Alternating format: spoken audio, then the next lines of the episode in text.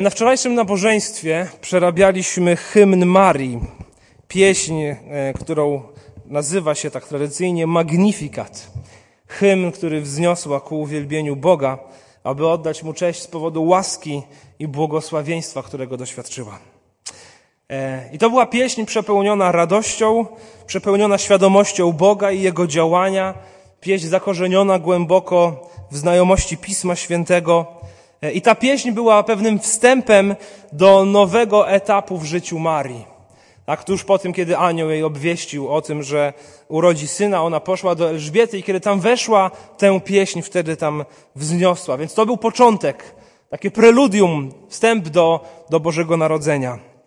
A dzisiaj chciałbym się przyjrzeć historii, która wydarzyła się na kilka, być może kilkanaście miesięcy po narodzinach Jezusa Chrystusa.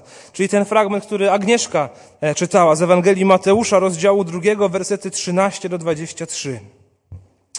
To taka część e, historii Bożego Narodzenia, czy historii związanej ze, z urodzinami e, ziemskimi Jezusa Chrystusa, o której mam wrażenie, że zbyt często nie mówimy.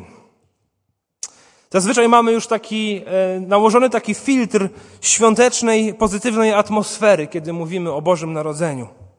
Wszystko brzmi pięknie, ładnie, wzniośle, chcemy, aby tak pozostało. E, zawsze są dywagacje od połowy listopada, czy będzie śnieg na Boże Narodzenie, czy nie, żeby było ładnie. No w tym roku mamy, więc mam nadzieję, że ci, którzy bardzo czekali, są zadowoleni. Chcemy, żeby wszystko było ładne, kolorowe, czyste, Mamy postaci pasterzy, mędrców Symeona, Annę. Często akurat ich znamy, są pokazywani w jasełkach, jeśli dzieci wystawiają takie przedstawienie. Ukazywani są w Bibliach dla dzieci, w jakichś szopkach świątecznych te postaci. Wszystko w naszych głowach często wydaje się takie sielankowe, takie ładne i użyłbym nawet takiego stwierdzenia, takie polukrowane są te święta. Ale to nie jest prawdziwy obraz całości związanej z narodzinami Jezusa. To nie jest prawdziwy obraz całości. W tej historii jest też wiele strachu. W tej historii jest też wiele bólu, jest też wiele cierpienia, o których czasami zdajemy się zapominać. Być może celowo, bo przecież ma być radośnie, ale jednak jest. Powiedziałbym też, że jest nawet tragiczna strona historii związanej z narodzeniem Jezusa. Wydarzyła się tam prawdziwa tragedia.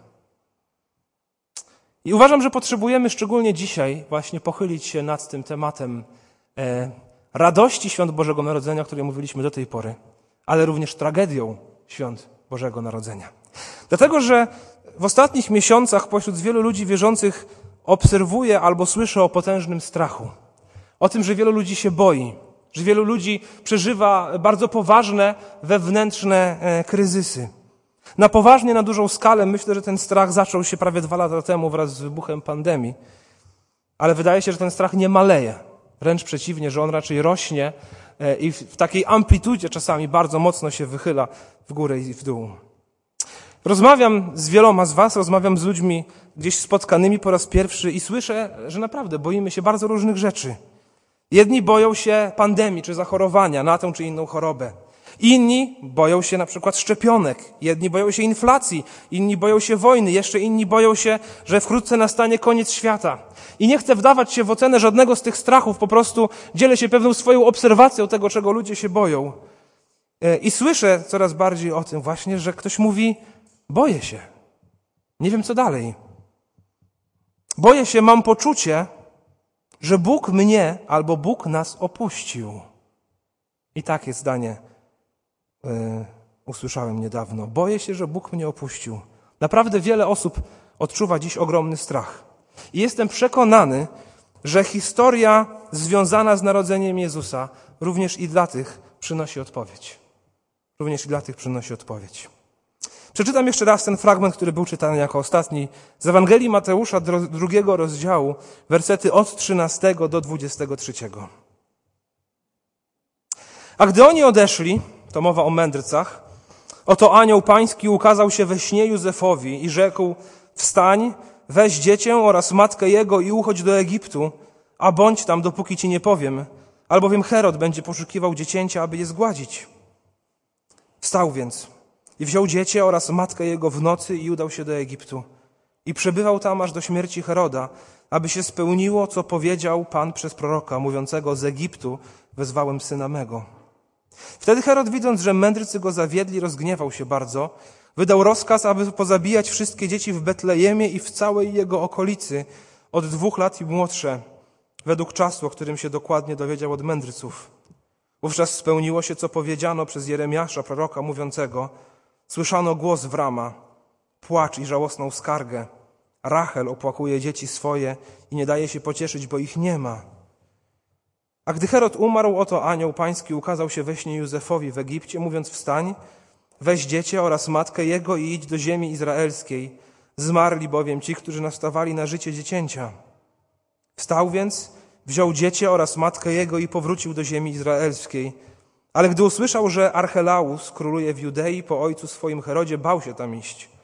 Ostrzeżony jednak we śnie udał się w stronę Galilei.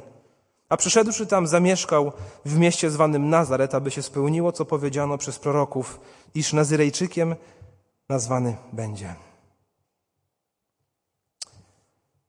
Boża łaska i Boże błogosławieństwo, Boża szczególna, wielka łaska i Boże wielkie błogosławieństwo nie oznaczają życia bez trudności i bez wyzwań. Jedno zupełnie nie wyłącza drugiego. Dwa tygodnie temu miałem przywilej dzielić się Bożym Słowem i mówiłem o tym, że kiedy Maria zaszła w ciążę, to zaszła w takim momencie swojego życia, że w oczach społeczeństwa było to uznane za hańbę. W oczach społeczeństwa było to uznane za hańbę. Z czym musiała się ona mierzyć, możemy sobie tylko wyobrazić. Boża łaska i Boże błogosławieństwo w jej życiu myślę, że nie sprawiły również tego, że przechodziła przez tą ciążę na przykład bez porannych mdłości. Albo całodziennych, to zależy kto jak, jak znosi. Myślę, że Boża łaska i Boże błogosławieństwo, o którym wtedy mówiłem, jak wiele razy ona była zapewniona o tym, że, że, że jest ogromna łaska nad nią, że Pan jest z nią, nie sprawiła, że nie przechodziła, że przechodziła przez ciążę bez innych niedogodnień związanych właśnie z byciem w tym stanie. Mało tego, Boża łaska i błogosławieństwo, które ją spotkały, wiązały się z tym, że w dziewiątym miesiącu ciąży musiała podróżować ze swoim mężem z miejscowości, w której mieszkała, z Nazaretu do Betlejem, to miejscowości oddalone około 150 kilometrów od siebie. W dziewiątym miesiącu ciąży. I to była podróż pod górę. Różnica jest około 600 metrów nad powierzchnią morza między Betlejem a, e, między Nazaretem a Betlejem. Więc cały czas jazda pod górę przez 150 kilometrów po tamtejszych drogach, w tamtejszym klimacie, dniem i nocą.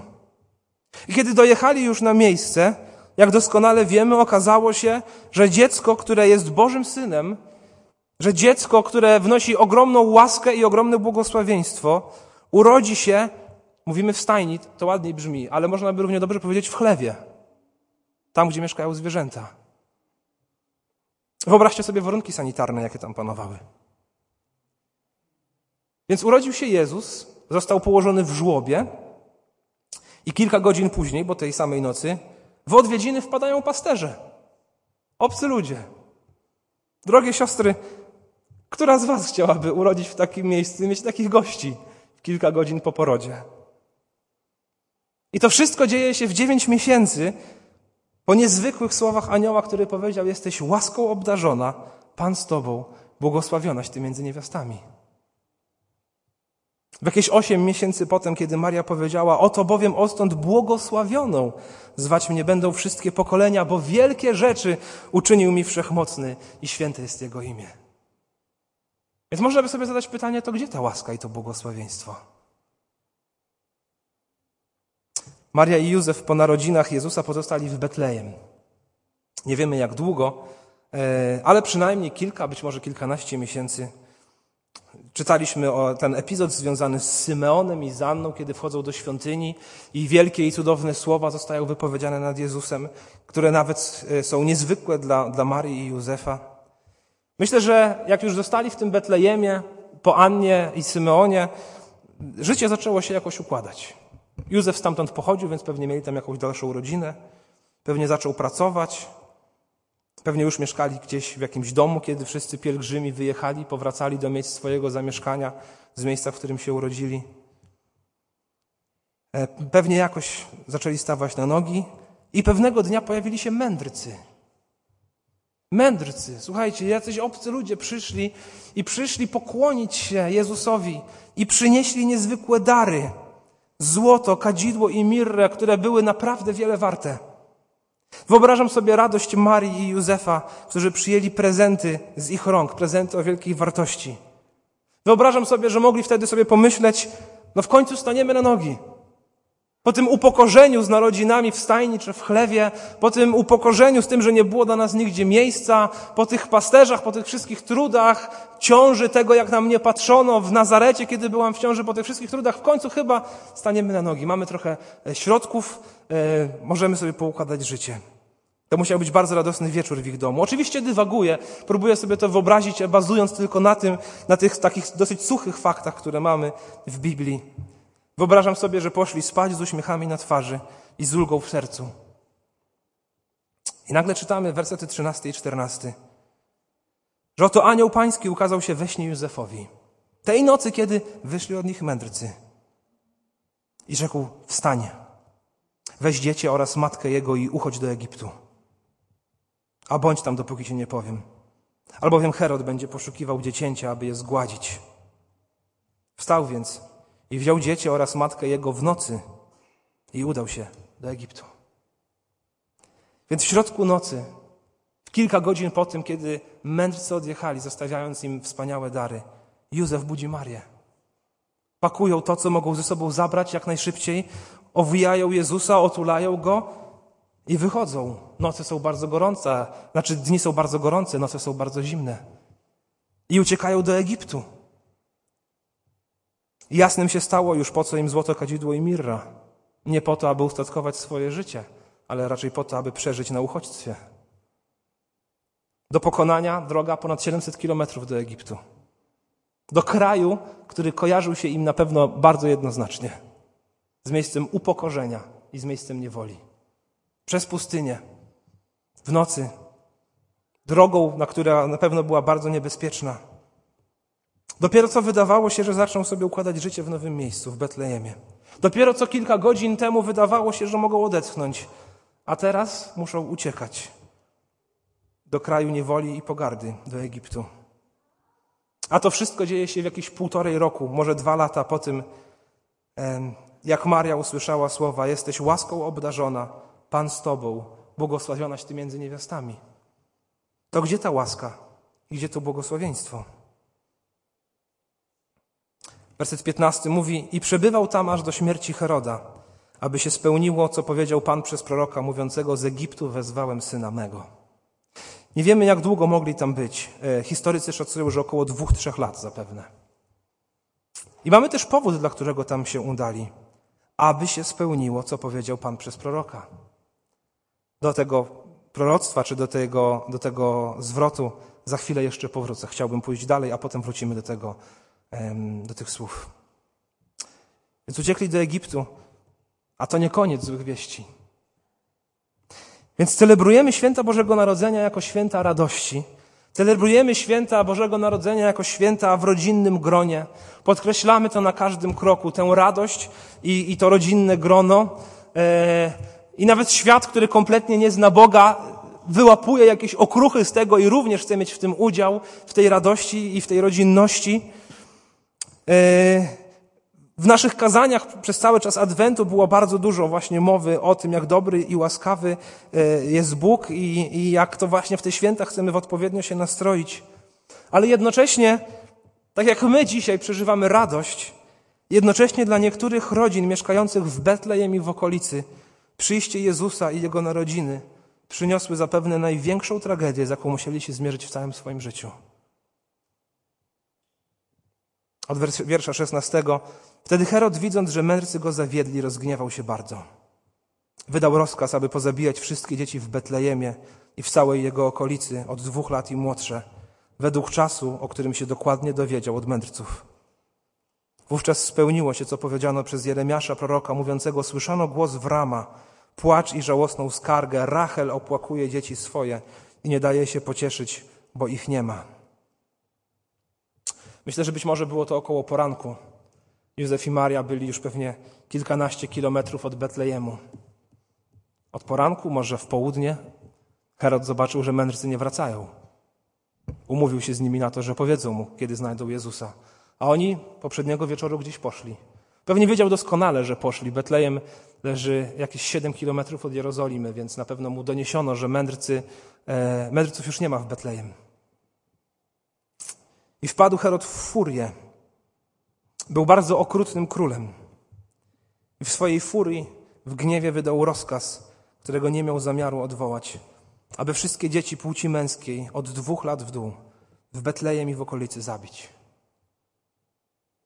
Tych siedem kilometrów pewnie żołnierze na wierzchowcach pokonali w bardzo krótkim czasie. I miejscowość, która jeszcze przed chwilą gościła na swoim terenie Syna Bożego. Kilka miesięcy wcześniej anioł z zastępami wojska anielskiego pojawił się nad tą miejscowością, w zasadzie na pastwiskach koło Betlejemu, mówiąc: Zwiastuję wam radość wielką, która będzie udziałem wszystkiego ludu gdyż dziś narodził się wam Zbawiciel, którym jest Chrystus Pan w mieście Dawidowym. To samo miasto Dawidowe, które miało przeżywać radość z narodzenia się Syna Bożego, kilka miesięcy później przeżywało prawdopodobnie największą tragedię z powodu narodzin Syna Bożego. Ulice tej miejscowości spłynęły niewinną krwią chłopców, być może z rodzin nawet tych pasterzy, którym zwiastowano wielką radość. Gdybym ja tam wtedy mieszkał, przyjechaliby i po mojego syna, który jest w takim wieku. To niegdzie niby ta radość wszystkiego ludu. To gdzie ta łaska i to błogosławieństwo? Ciekawe, co pomyślała sobie Maria, uciekając ze swoim synem, a pewnie dowiedziała się o tym. Więc ona, uciekając ze swoim synem w ramionach, ta ucieczka sprawiła, że inne matki i ich ramiona pozostały puste od ich dzieci, które zginęły brutalnie, pewnie na ich oczach. Jesteś łaską obdarzona. Pan z Tobą, błogosławionaś Ty między niewiastami. Drodzy, abyśmy my mogli przeżywać radość Bożego Narodzenia. Kilka czy kilkanaście rodzin przeżyło najgorsze chwile swojego życia dwa tysiące lat temu. Historycy szacują, że mogło zginąć około 10 do 20 chłopców, patrząc na to, jaka była wtedy populacja i gęstość zaludnienia e, na tamtejszych terenach. Około 20 małych chłopców. A cała historia związana z narodzinami Jezusa kończy się w następujący sposób. Wiersze 19 do 23. A Herod umarł. Oto anioł pański ukazał się we śnie Józefowi w Egipcie, mówiąc wstań, weź dziecię oraz matkę jego i idź do ziemi izraelskiej. Zmarli bowiem ci, którzy nastawali na życie dziecięcia. Więc wydawałoby się, że ulga. Wstał więc, wziął dziecię oraz matkę jego i powrócił do ziemi izraelskiej. Ale gdy usłyszał, że Archelaus króluje w Judei po ojcu swoim Herodzie, bał się tam iść. Ostrzeżony jednak we śnie udał się w stronę Galilei, a przyszedłszy tam zamieszkał w mieście zwanym Nazaret, aby spełniło się, co powiedziano przez proroków, iż Nazyrejczykiem nazwany będzie. Tylko jedna emocja jest opisana w tym tekście. Jaka to emocja? Strach. Bał się. Wydawałoby się, że ulga po tym, kiedy umarł Herod Wielki, ale po nim zapanował jego syn Archelaus. Jak mówią historycy, również tyran, który był na tyle brutalny, że cesarz Oktawian August po kilku latach jego rządów zesłał go na wygnanie do Galii, czyli na tereny dzisiejszej Francji. Więc powiedzielibyśmy dla Izraela z deszczu pod rynnę, z brutalnego do jeszcze brutalniejszego. Józef i Maria i Jezus osiadają w Nazarecie. I poza tym epizodem jeszcze, który, e, o którym można przeczytać w Ewangelii Łukasza w, w świątyni, kiedy Jezus miał 12 lat i dywaguje ze znawcami prawa. Poza tym nic więcej nie wiemy o dzieciństwie Jezusa. Więc spójrzmy na tę historię.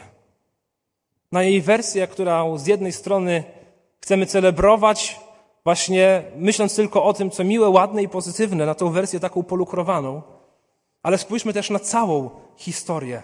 Nie tylko zatrzymując się w połowie, nie tylko z tej całej historii wybierając to, co nam się najbardziej podoba. Spójrzmy na całą historię. Jak spojrzymy na całą, to widzimy tutaj owszem wiele radości, ale widzę też strach, widzę też ból, widzę też rozpacz.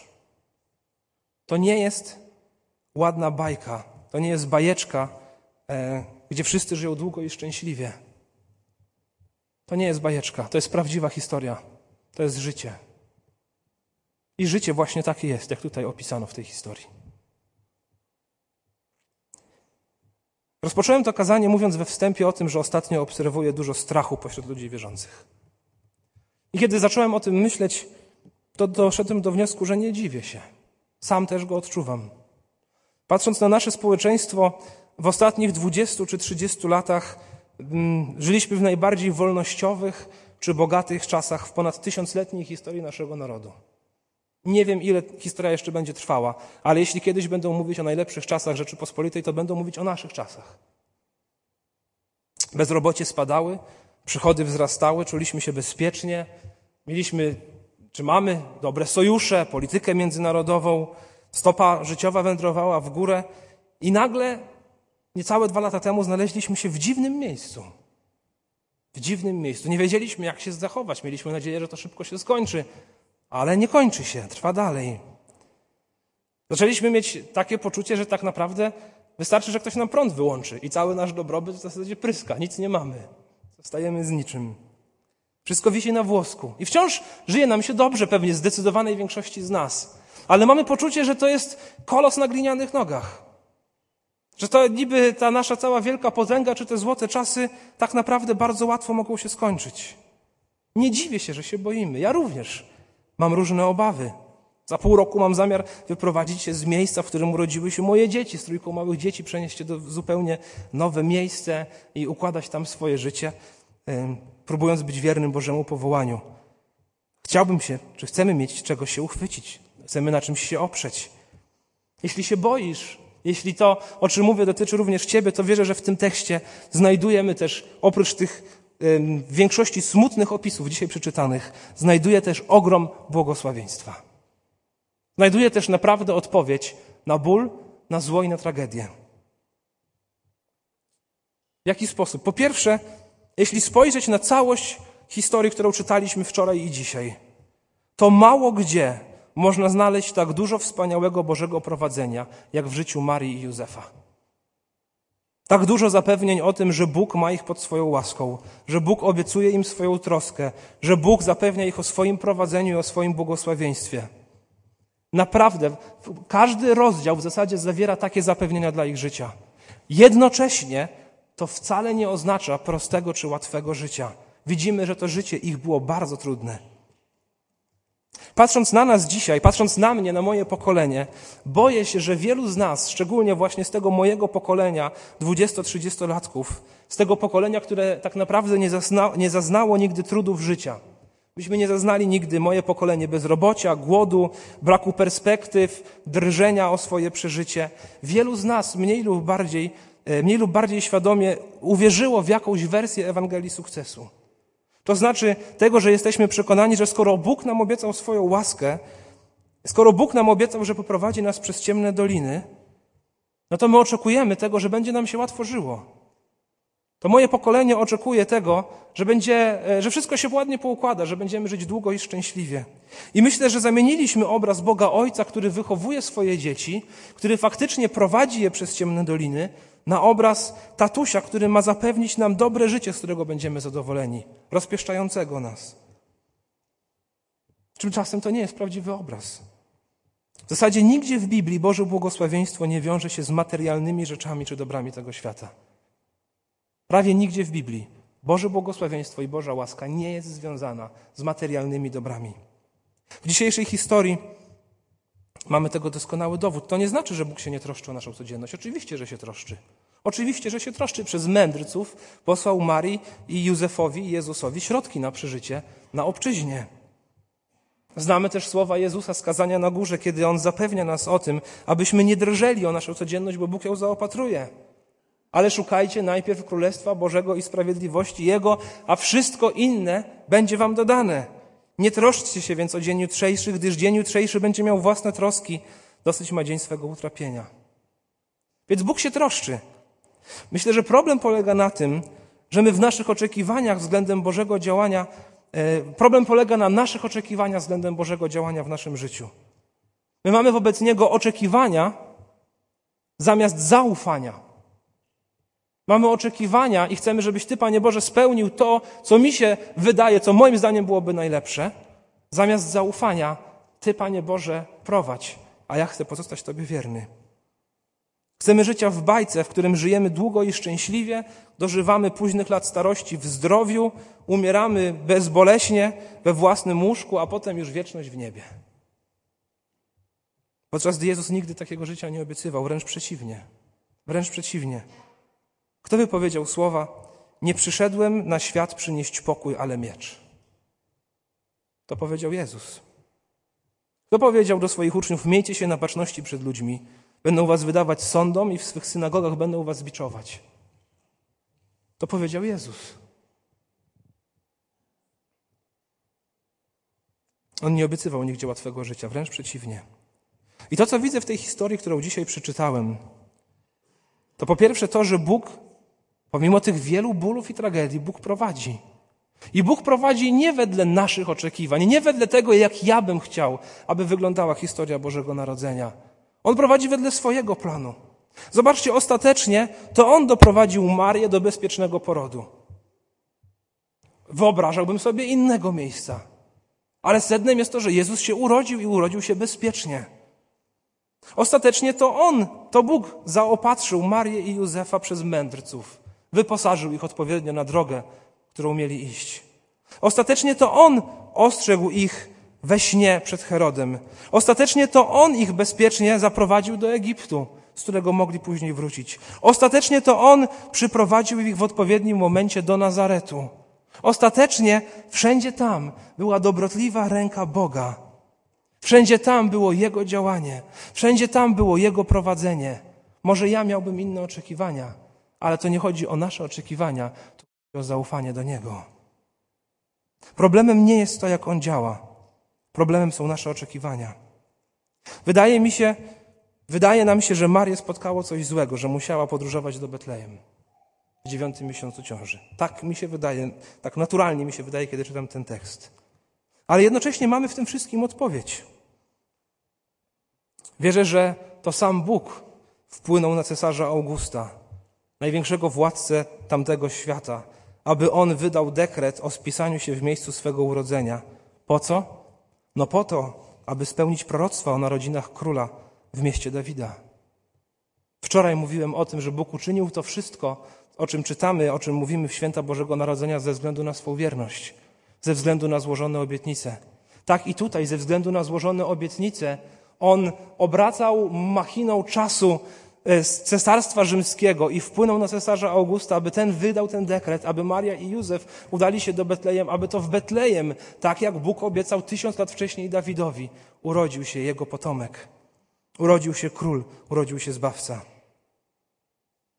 Bóg ściągnął z odległego wschodu, nie wiemy nawet dokładnie skąd mędrców, aby przyszli o odpowiedniej godzinie i w odpowiednim dniu, na kilka godzin przed tym, zanim Maria i Józef mieli wyjść do Egiptu i obdarowali ich odpowiednio. Dlaczego Jezus miał iść do Egiptu? Bo to była część Bożego planu. Werset 15 mówi, aby spełniło się, co powiedział Pan przez proroka, mówiącego z Egiptu wezwałem syna mego. Cóż to za plan? Dlaczego to się musiało spełnić? Celem życia Jezusa było między innymi wypełnienie Bożego prawa. Prawda? Jezus mówi, nie przyszedłem znieść zakonu, przyszedłem go wypełnić. Celem życia Jezusa było życie e, bez grzechu, było życie święte, życie doskonałe, życie, którego sprawiedliwość będzie mogła być przypisana nam później przez wiarę, byśmy mogli żyć z Bogiem. Jezus przyszedł po to, aby wypełnić cały zakon. Jezus przyszedł też po to, aby wypełnić to, czego nie potrafił wypełnić człowiek i czego nie potrafił wypełnić Izrael. Co mam na myśli? Na przykład to, pamiętacie jak długo Izrael był na pustyni? 40 lat z powodu swojej krnąbrności, braku zaufania do Boga. Pamiętacie jak długo Jezus był na pustyni? 40 dni. To przecież nie przypadek, te dwie liczby, 40 i 40. Wydaje się, że Jezus poszedł na pustynię i był kuszony tam przez szatana, no właśnie po to, aby odwrócić to, czego nie uczynił Izrael. Tak, Izrael przez 40 lat pozostawał w skromności, w niewierze. Jezus poszedł tam na 40 dni i był kuszony bardzo dosłownie przez szatana i on ostał się wobec tego i zwyciężył. Inny przykład. Pamiętacie, że jednym z, określeniem Izrae- jednym z określeń Izraela w Starym Testamencie było nazywanie ich winnicą Pana. W księdze Izajasza jest powiedziane, że Izrael to była winnica nieprzynosząca owocu. Jezus też taką przypowieść powiedział faryzeuszom w ostatnich dniach swojego życia, że Bóg oczekuje owocu, natomiast ci pracownicy winnicy nie przynoszą tych owoców. A potem, dwa dni później, mówi: To ja jestem krzewem winnym. I to wy, będąc we mnie, tak naprawdę wydajecie owoc. Więc tą winnicą, którą miał być Izrael, ale nie potrafił być, którą my nie potrafimy być jako ludzie sami z siebie, staje się Jezus. Pamiętacie, jak na przykład elity izraelskie były rozkochane w swojej świątyni. Byli przekonani, że będą zbawieni, bo chodzą do świątyni, uczestniczą jej w życiu. Po czym Jezus mówi o sobie, że to On jest świątynią, którą w trzy zburzą, a On w trzy dni ją odbuduje. I gdybyśmy analizowali Ewangelię pod tym kątem, widzielibyśmy, jak Jezus wypełnia mnóstwo e, w swoim życiu, mnóstwo prawa, czy mnóstwo rzeczy, które miały się wydarzyć na narodzie wybranym, ale się nie wydarzyły z powodu ich niewiary. On natomiast przyszedł, aby to wszystko wypełnić w sposób doskonały. Więc ewangelista Łukasz mówi, że on poszedł do Egiptu, aby spełniło się, co powiedział Pan przez proroka, mówiąc: Z Egiptu wezwałem syna mego. To cytat z księgi Ozeasza 11 rozdziału. Jeśli udalibyśmy się do księgi Ozeasza 11 rozdziału, to przeczytamy, co jest napisane werset dalej. Ozeasza 11, 1, 2. Gdy Izrael był młody, albo niektóre tłumaczenia mówią, gdy Izrael był małym chłopcem, pokochałem go i z Egiptu powołałem mojego syna. Ale werset drugi mówi, im częściej odzywałem się do nich, tym dalej oni odchodzili ode mnie. Składali ofiary balom i kadzili bałwanom. I dalej Bóg opisuje odstępstwo tego narodu, który porzucił Jego, ale Bóg mówi, ale ja ich nigdy nie porzuciłem. Więc wierzę, że w Bożym planie Jezus musiał pójść do Egiptu, aby również tę hańbę odwrócić.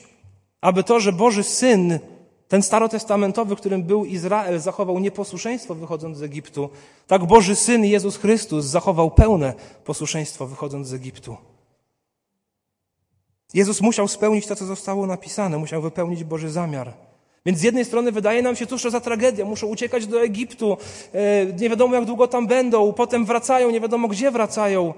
Jeśli skupić się na tym jednym dniu ich ucieczki, absolutna tragedia.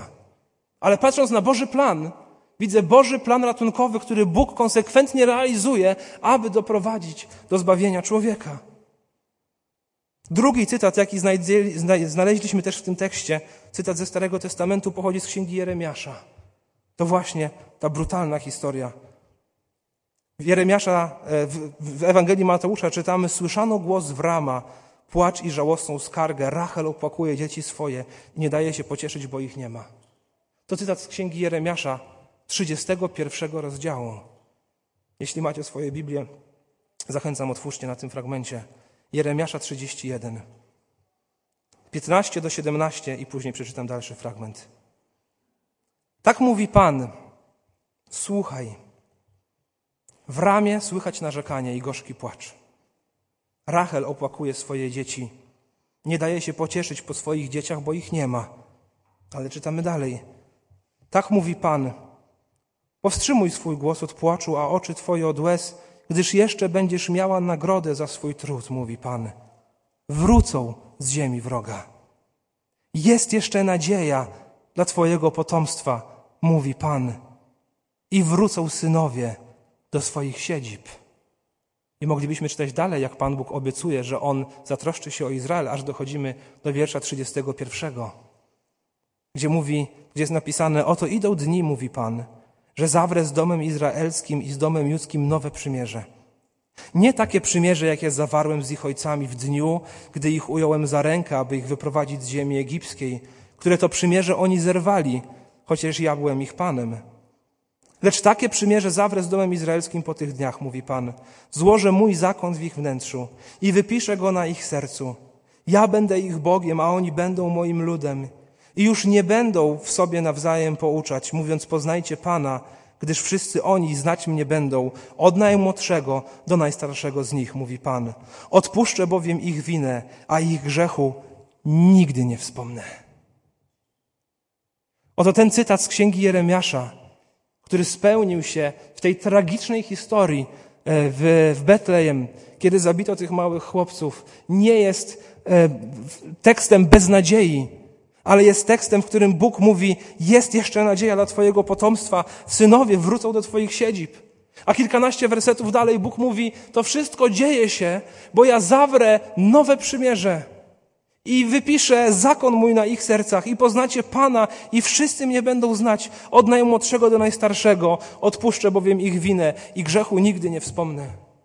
Ta straszna tragedia, która dotknęła rodziny w Betlejem, w żaden sposób jej nie umniejszam. Dlaczego musiała się wydarzyć, nie mam prostej odpowiedzi. Ale wiem, że Bóg mówi, e, nie zatrzymując się na tej tragedii, Twoje dzieci wrócą do Ciebie, a to wszystko po to, bo chcę Was uratować i zawrzeć z Wami nowe przymierze. Więc mówi, powstrzymuj swój głos od płaczu, a swoje oczy od łez, bo jeszcze będziesz miała nagrodę za swój trud. Nie mam najmniejszych wątpliwości, że Bóg płakał razem z tymi rodzicami, których dzieci zostały zamordowane. Nie mam najmniejszych wątpliwości, że Bóg również cierpiał i że wylał swoje łzy. Ale powiedział też: Jest jeszcze nadzieja dla Twojego potomstwa. Dlaczego? Bo to wszystko dzieje się, abym zawarł z Wami nowe przymierze, którego sednem będzie to, że odpuszczę Wam winę i grzechu już nie wspomnę. I jestem przekonany w stu procentach, że rodziny te w całości zostały połączone, gdy spotkały się po drugiej stronie życia w radości Pana swego. Bóg wie, co robi. Bóg wie, co robi. Z perspektywy danej godziny, kiedy to się dzieje, możemy tego nie widzieć. Z perspektywy dnia, miesiąca czy roku, kiedy nas to spotyka, możemy tego nie wiedzieć. Ale Bóg wie, co robi. Nie chodzi o nasze oczekiwania względem Niego, chodzi o nasze zaufanie do Niego. Boisz się? Nie chcę powiedzieć, będzie dobrze. Nie chcę powiedzieć, nie ma czego. Nie mówię, jakoś się ułoży. Raczej chcę powiedzieć, boisz się? Ja też ale chcę ufać Bogu. Cóż innego nam pozostaje? Spotykają cię rzeczy, których nie rozumiesz? Mnie też. Spotykały Marię i Józefa, będących pod szczególną Bożą łaską i błogosławieństwem. I zobaczcie, jak Bóg się o nich troszczył. Jak posłał swojego anioła, by ten ostrzegł i obudził Józefa w środku nocy, aby ci uciekali. Jak trzeba było, to poruszył największego władcę ówczesnego świata, by dokonał spisu, wskutek czego miały się spełnić proroctwa o narodzinach Jezusa. Bóg wie, co robi. On wie, co robi. Chce się wyzbywać oczekiwań wobec Niego, chce się uczyć ufności do Niego. W jaki sposób? No, czytając właśnie takie teksty jak ten, poznając to, jaki On naprawdę jest, ucząc się tego, jak On naprawdę działa i przypominając sobie Jego obietnice o nowym przymierzu, o łasce, o błogosławieństwie. Czasami może tego nie dostrzegamy, czasami może tego nie widzimy, ale On tak jest. Spójrz na Boże Słowo i na to, jak On realizował swoje obietnice. Czego innego się uchwycić, jak nie właśnie tego.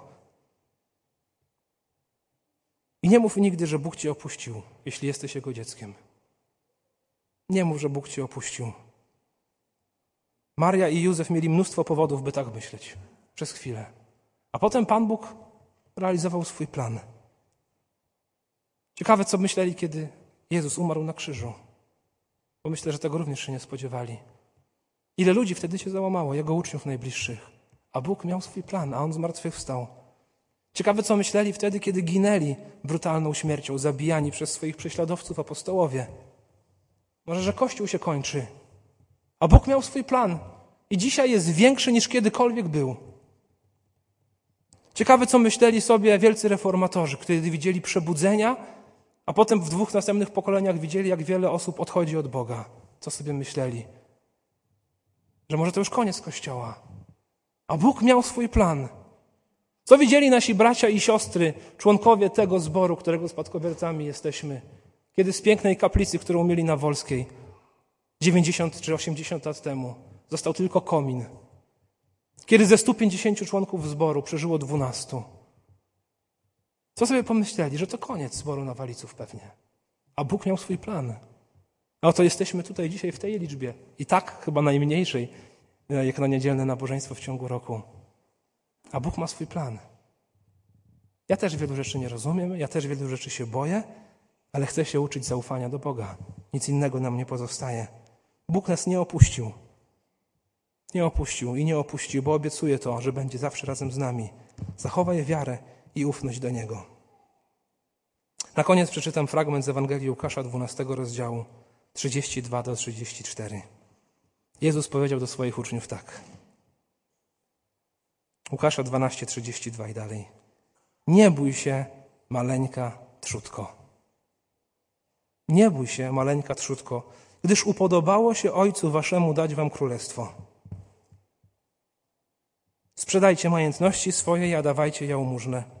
Uczyńcie sobie sakwy, które nie niszczeją, skarb niewyczerpany w niebie, gdzie złodziej nie ma przystępu, ani mól nie niszczy. Albowiem gdzie jest skarb wasz, tam będzie i serce wasze. Nie bój się, maleńka trzutko. Nabierz perspektywy. Nie na dziś, ale na Boży plan, na Jego działanie. Nie mając oczekiwań wobec Jego działania, ale mając ufność, że On jest dobrym Ojcem, który wie, co robi. I tego uczą nas święta Bożego Narodzenia. To nie jest polukrowana, ładna historia. To jest życie. To jest piękna historia Bożego działania. Znajdźmy w niej zaufanie, znajdźmy w niej radość, znajdźmy w niej wsparcie i ufajmy naszemu Panu, bo On wie, co robi. Amen.